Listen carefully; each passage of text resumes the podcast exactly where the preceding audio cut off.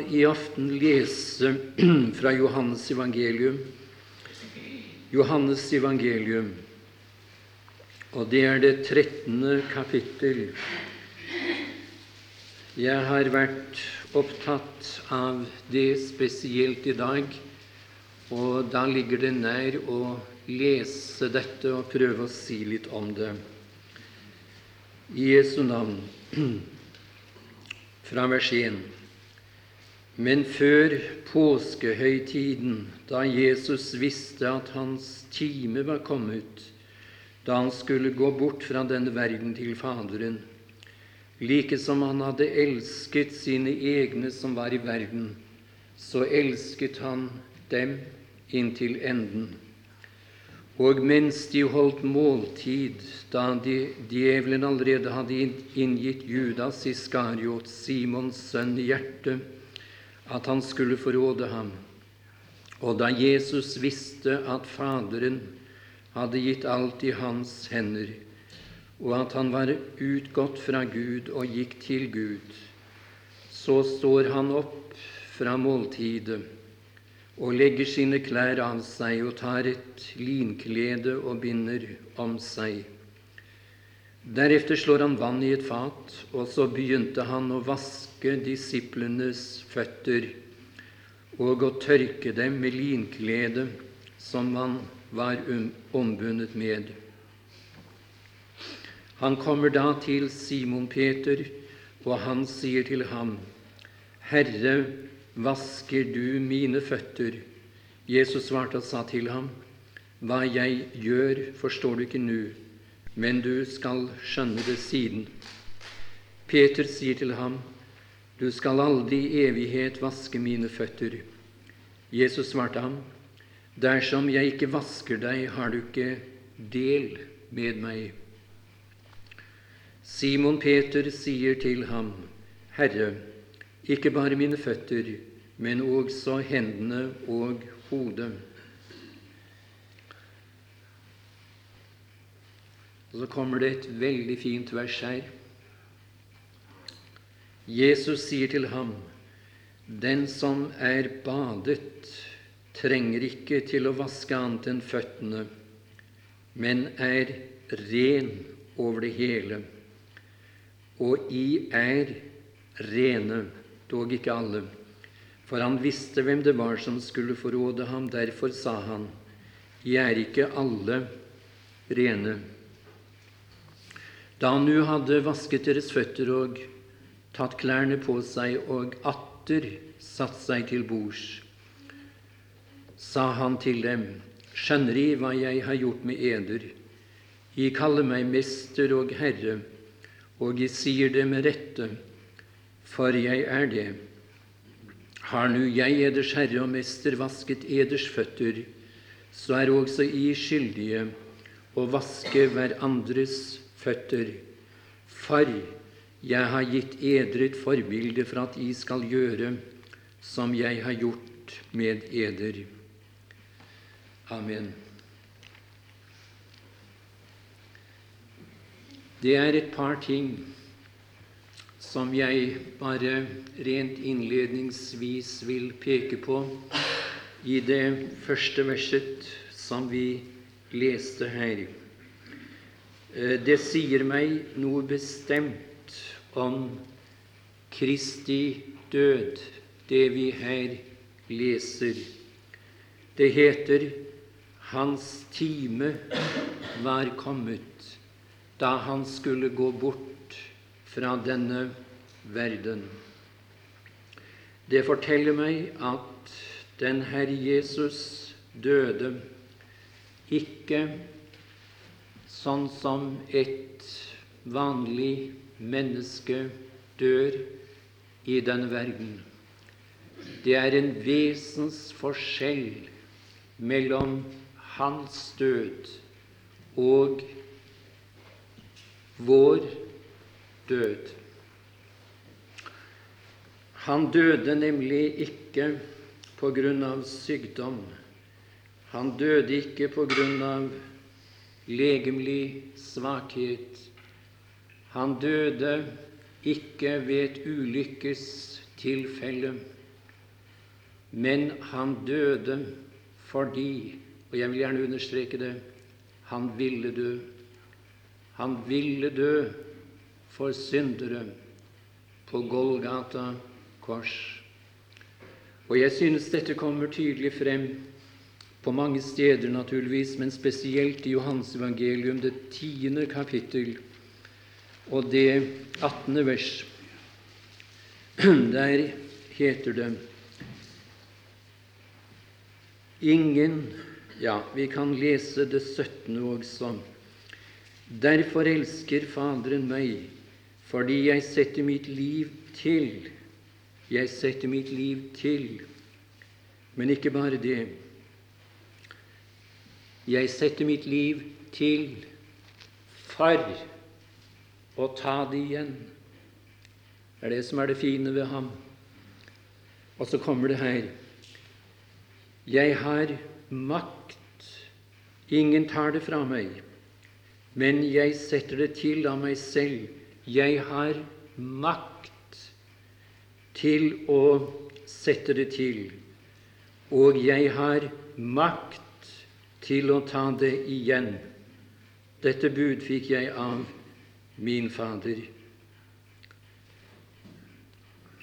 Han hadde makt til å sette livet til, og han hadde makt til å ta livet igjen. Han døde, sier Romerbrevet 5, til fastsatt tid for ugudelige. Det var noen som lurte på ham og prøvde å ta hans liv før den bestemte, den fastsatte tid. Men det lot seg ikke gjøre. Han døde fordi han ville dø. Han ville dø for meg. Det er en ting til i det første verset som er vel verdt vår oppmerksomhet. Og det står her like som han hadde elsket sine egne. Nå skal jeg hoppe over noen ord der, og så kan du si om du savner noe. Like som han hadde elsket sine egne, så elsket han dem inntil enden. Står imidlertid ikke slik.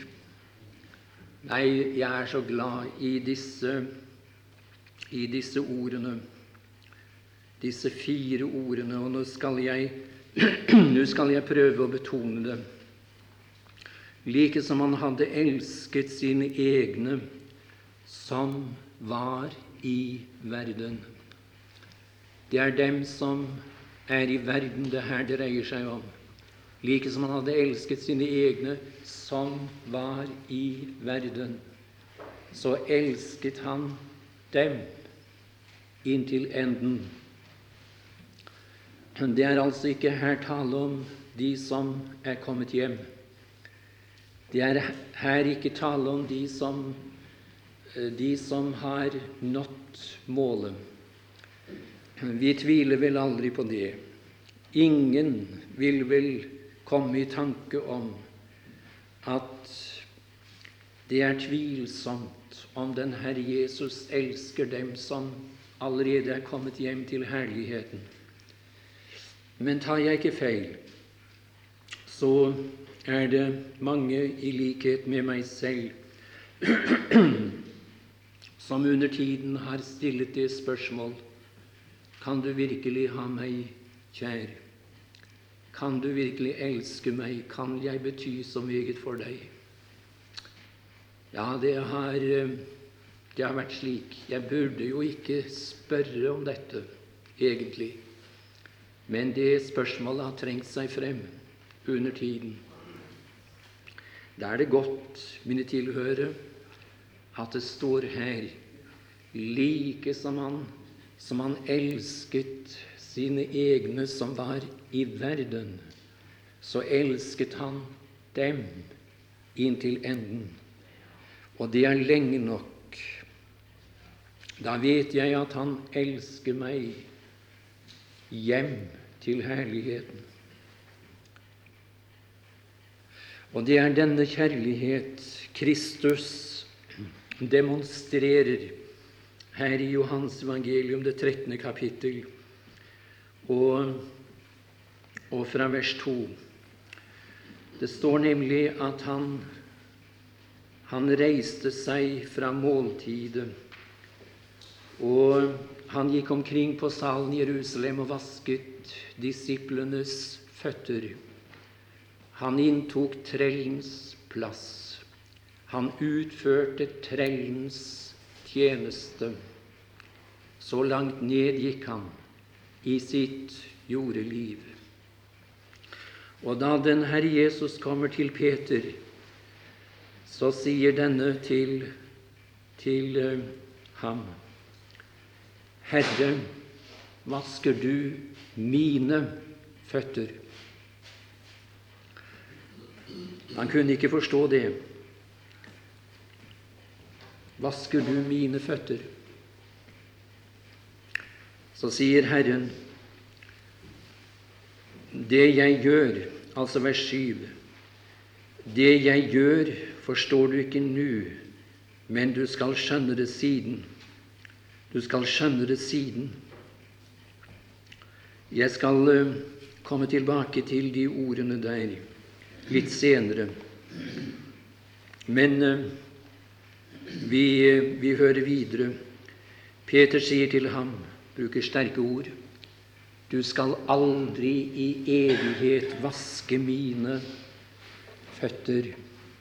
Det må aldri skje, sier Peter. Og hva er det Herren gir som svar? Hva, hva, hva er det Herren sier her? Jo, hør nå.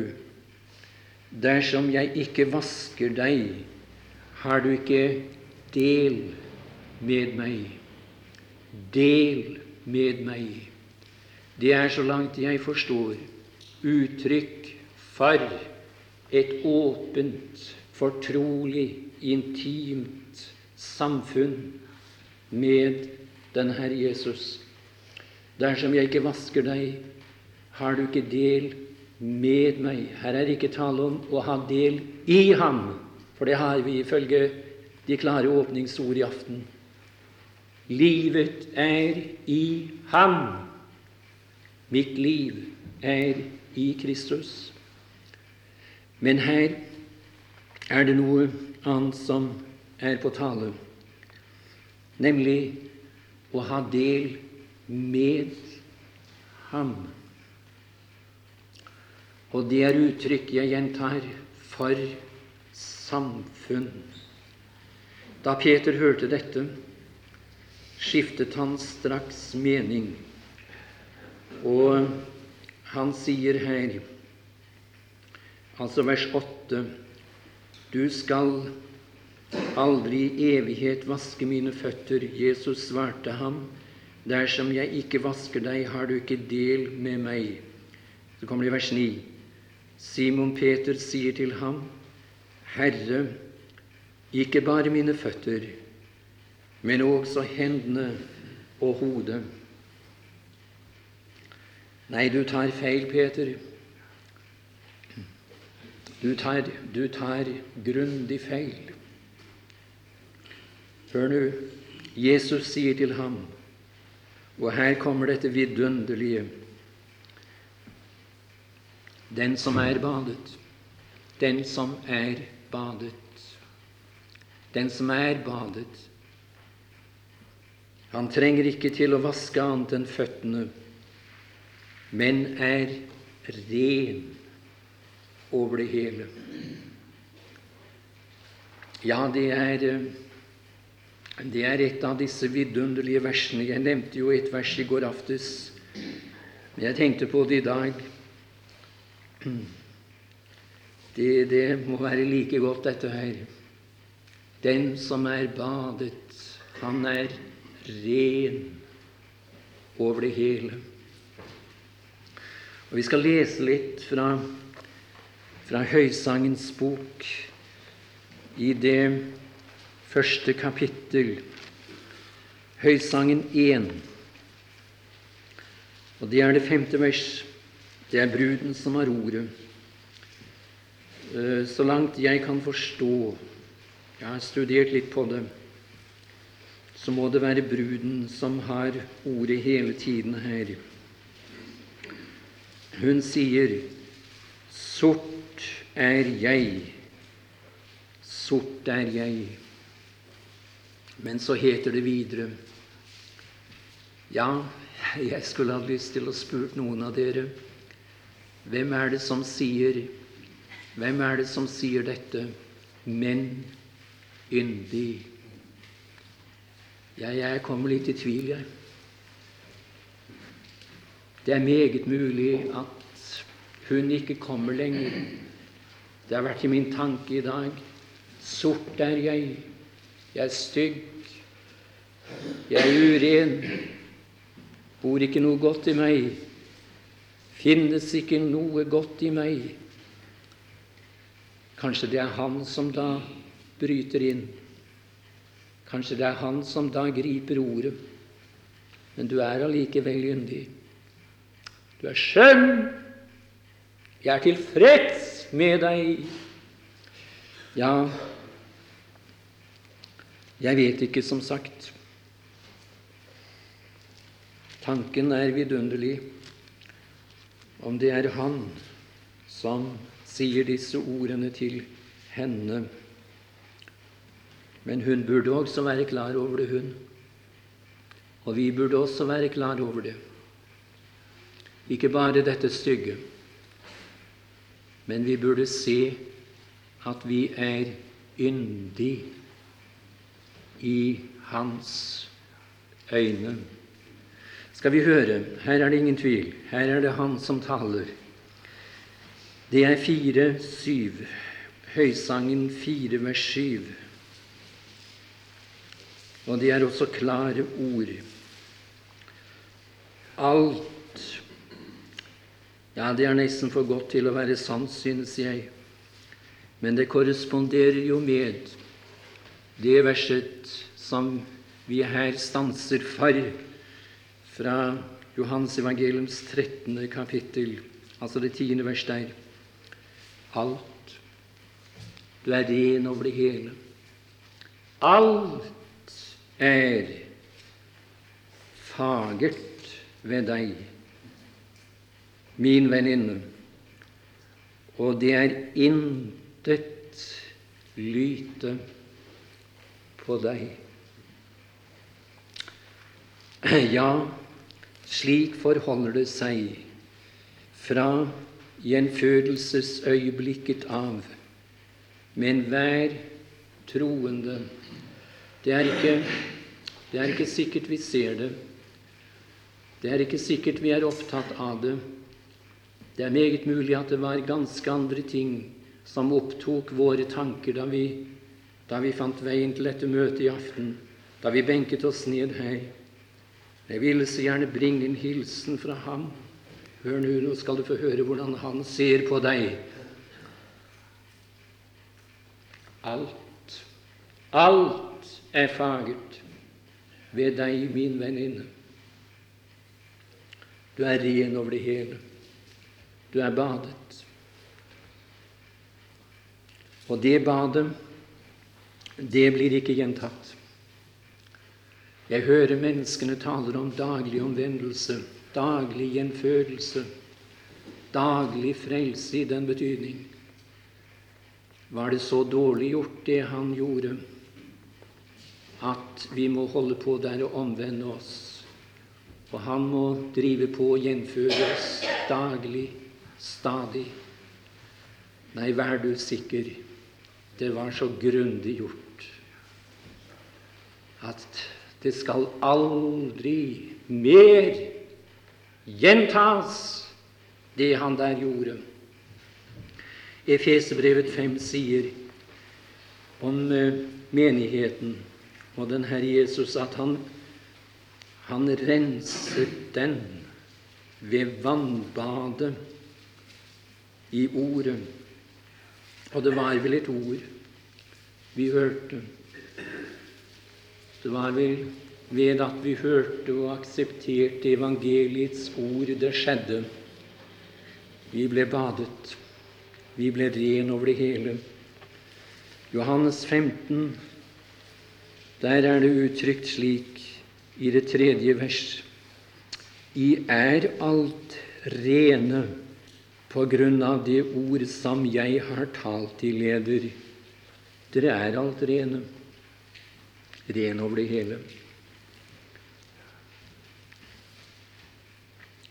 Men kom den dagen i, i Simon Peters liv da han fikk klarhet over det som her står, og det som den Herre Jesus gjorde med ham, da han vasket hans og disiplenes føtter på salen. Vi lar Bibelen svare, og vi henvender oss til Lukas evangelium, det 22. kapittel. Lukas evangelium, det 22. kapittel. Der skal vi lese fra det 54. vers. Da de nu hadde grepet ham, drog de av sted med ham og førte ham inn ypperste pressens hus. Og Peter fulgte langt bak efter De hadde tent en ild midt i gårdsrommet og satt der sammen. Og Peter satt midt iblant dem. Jeg satt et ett-tall foran siste linje i 54, et totall foran siste linje i 55, et tretall foran første linje i 57. Men en tjenestepike fikk se ham sitte mot lyset og stirret på ham og sa:" Også denne var med ham. Så kommer det. Men han fornektet ham og sa:" Jeg kjenner ham ikke. Det begynte med at det ble avstand. Det er tre nedadgående trinn her, nemlig, i Peters liv. Det begynte med at han fulgte Herren på avstand.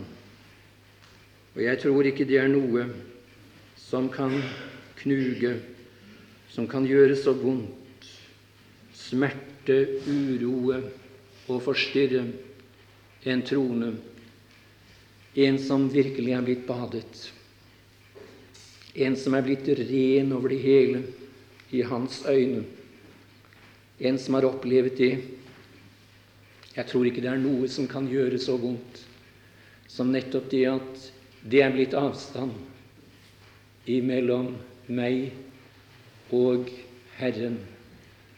Avstand.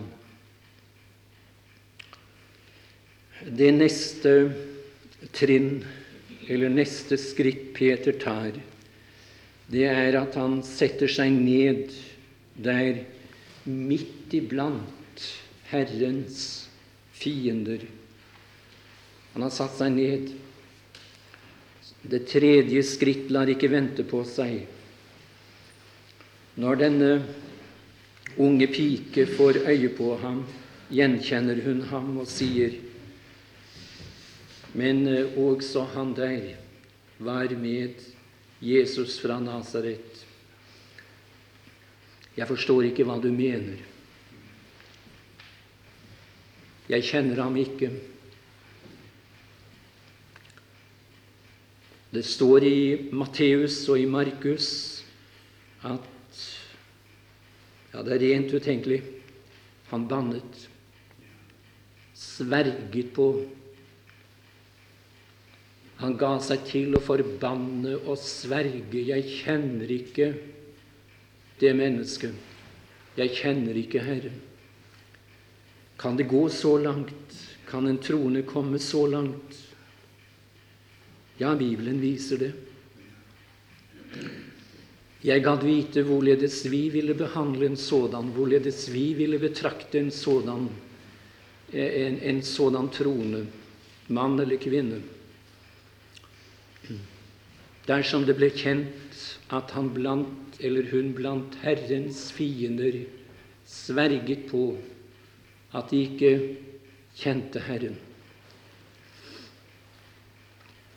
Jeg, jeg, er redd for at vi ville gi en sådan person opp for godt. Hvordan behandlet Herren ham? Det er det som jeg er interessert i. Og her ser jeg hvordan Herren har behandlet meg. Nøyaktig på samme måte. Og om jeg ikke har, eh, har gått så langt som det står her om Peter, så har jeg ofte vært feig. Og det tror jeg vi, de fleste av oss, vil erkjenne. Det er én ting å vitne om Herren når vi kommer sammen en flokk troende. Det er så veldig vanskelig ofte innen visse kretser av mennesker å løfte ham høyt, bekjenne ham. Jeg slår mine øyne skamfullt ned når jeg tenker på de mange som var villige til å gå i døden for Herren.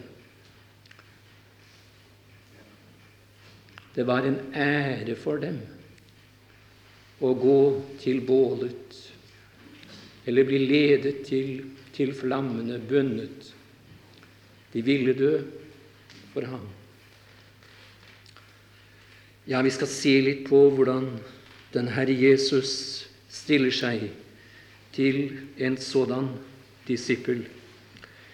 I det 22. kapittelet igjen hos Lukas og der i det 31. og 32. vers Simon, Simon, se, Satan krevde å få eder i sin vold for å sikte eder som ugress. Hva? Nei, ikke ugress. Ja, heller ikke torner eller tistler. Det er ikke det det dreier seg om nå. Satan er ikke interessert i å forstyrre dem som er på hans side, nemlig. Nei, det er hvete det dreier seg om. Ja, jeg tror det er hemmeligheten til at vi at vi kan dele samfunn med Herren i dag. At vi er blitt bevart, at vi er blitt ført igjennom alt som har møtt oss. Gjennom de mange årene de fleste av oss har levet med Herren det er dette innenfor det revnede forheng var det en og er det en som stadig ber for eh, dem som han en gang fikk bade, de som har opplevd ordets bad.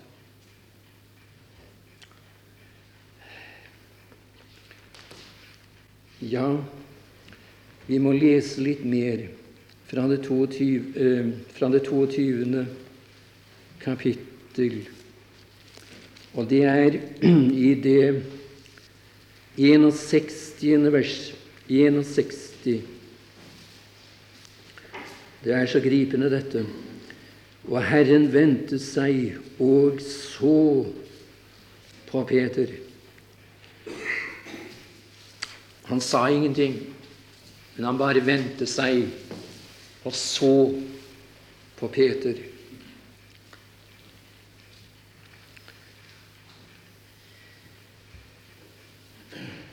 Og Peter kom Herrens ord i hu, hvorledes han hadde sagt til ham før han galer, skal du fornekte meg tre ganger.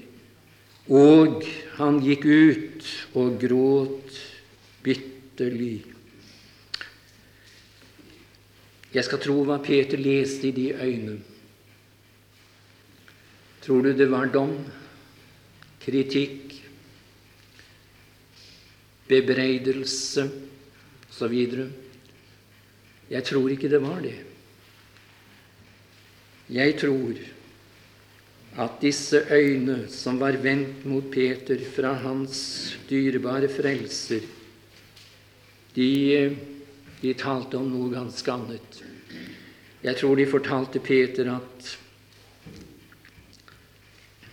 'Jeg elsker deg, Peter, like meget nu som da vi var sammen oppe på fjellet. Da jeg ble forklaret for deres øyne, og du utbrøt 'Vi vil gjerne bo her'. Vi blir her. Det er så vidunderlig å være her. Jeg tror at Herren ville si Peter, 'Jeg elsker deg nøyaktig like meget fremdeles' som han hadde elsket sine egne som var i verden, så elsket han dem nemlig like inn til enden. Han er sånn. Han forandres ikke, han. Selv om vi forandrer oss. Det er det som er det fine. Og det var, det var ømhet, mildhet, dyp, utsigelig kjærlighet og nåde i dette blikket. Og det var det som gjorde at Peter måtte gå ut og gråte bitterlig. Det smelter i hjertet, det. Når han vender sitt øye mot oss, ser så ømt, så kjærlig, så nådig.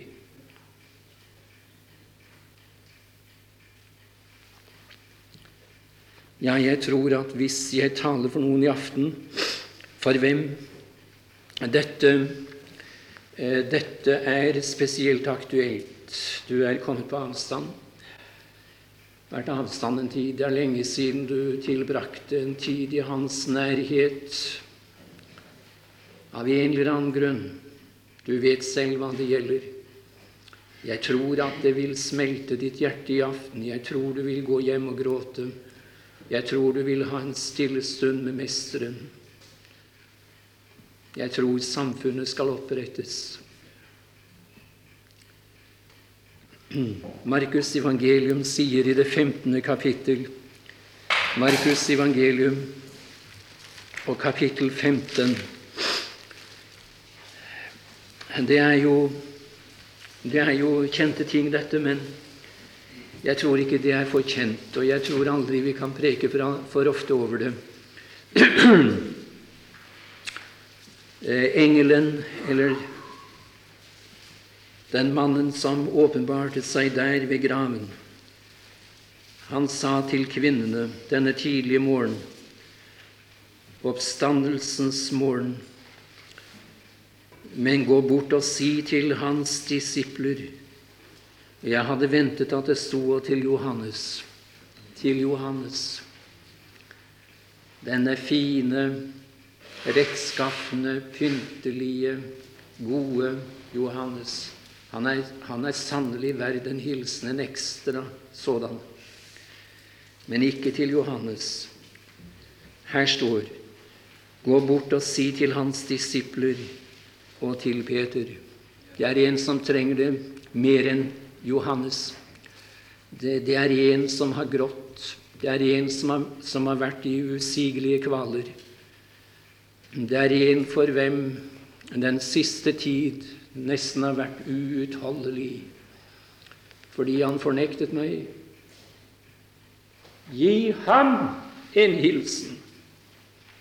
Han trenger det mest nå. La det bli klart for Peter. Jeg elsker deg. Jeg har deg kjær. Det betyr nøyaktig like meget for meg fremdeles.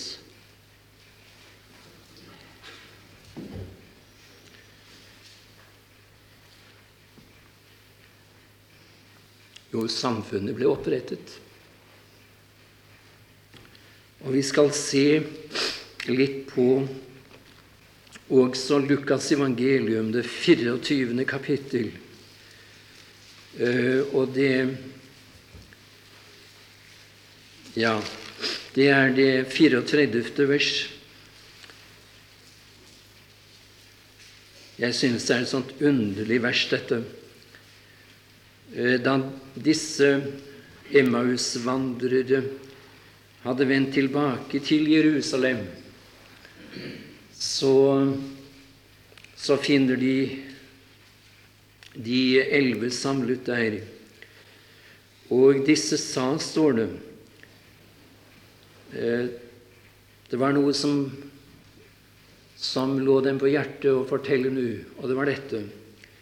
Herren er sannelig oppstanden og er sett av Simon.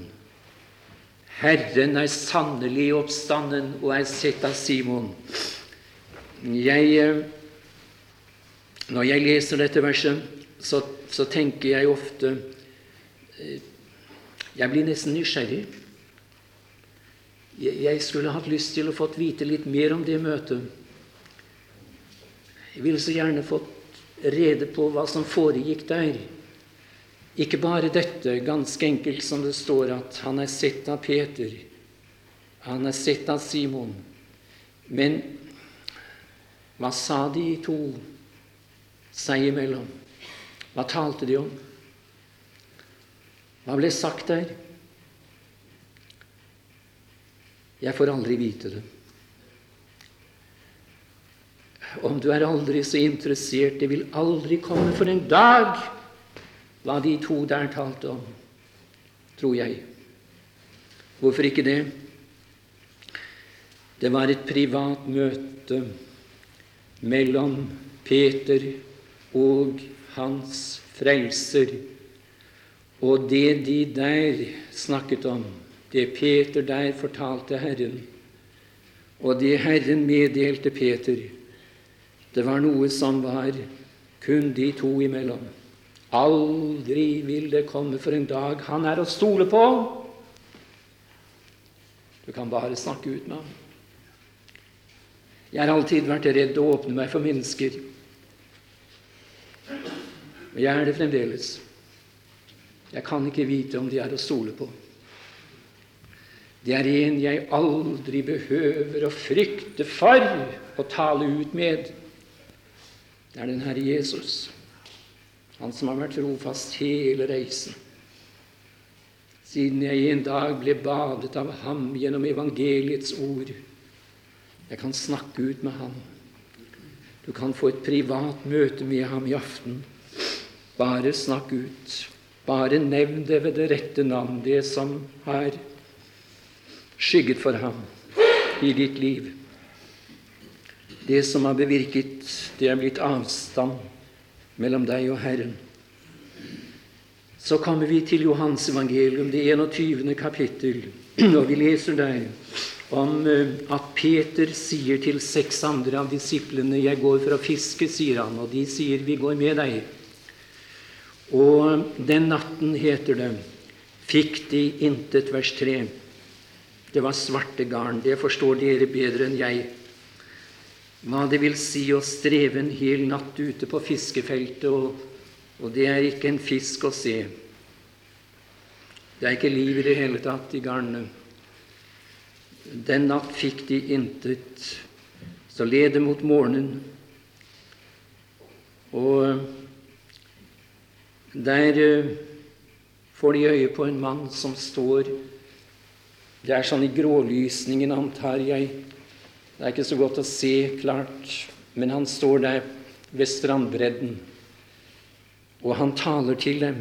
Det er den Herre Jesus, men de kjente ham ikke. Han sier, 'Barn, har dere fisk?' Barn. Barn, har dere fisk? Hva sier de? De gir ham bare et ganske eh, kaldt eh, nei. Det står her de svarte ham nei, nei. Men han sa til dem, kast garnet på den andre siden av båten, så skal dere få. De kastet det da ut, og nå var de ikke i stand til å, å få det opp og dra det opp. Så meget fisk var det. Men så er det Johannes som sier men det er jo Herren, sier han. Det er jo Herren som står der og taler til oss. Ja, De burde jo ha kjent ham. Barn, har dere fisk? Nei, var det hele han fikk til svar. Men det er jo Herren. Og hva var det som da skjedde med Peter? Hva var det han da foretok seg? Da nu Simon Peter, vers 7, hørte at det var Herren, bandt han sin kjortel om seg, for han var naken, og kastet seg i sjøen. Kastet seg i sjøen. Hvorfor gjorde han det? Var han redd? Fryktet han for å møte Herren? Ville han drukne seg? Var det dette fra ypperste pressens gård som fremdeles tynget ham? Jeg skal si deg hvorfor han kastet seg i sjøen. Jeg tar ikke en tøddel tilbake av det jeg her sier, i hvert fall. Hør nå. Det var for å komme hurtigst mulig til sin frelser jeg skal være den første som møter ham. Så det er han som står der på stranden. Hvordan vet du det, sier du? Jo, det vet jeg, for det går frem av åttende vers. Bare les. Men de andre disiplene kom med båten. Ja, da må det være innlysende at den, denne Peter, denne Simon, denne fornekteren, han, han, må ha kommet frem på en annen måte. Jeg vet ikke om han gikk på sjøen da igjen, eller om han svømte, eller hvordan han kom frem. Jeg vet bare han kom frem, for de andre de kom med båten. Ser du det? Ja. Han var den første som møtte ham. Måtte være et forunderlig møte der også. Hvorfor var det så om å gjøre der å møte Herren for Peter? Jo, jeg tror at han ønsker, ønsket å gjøre det kjent. Vi to har møtt hverandre en gang før privat. Det var på oppstandelsens morgen. Jeg fikk møte ham der, jeg fikk snakke ut med ham der. Samfunnet ble opprettet der. Og så skal det bli kjent her offisielt. Skal dette være. Det er i orden mellom oss to. Det er klaret.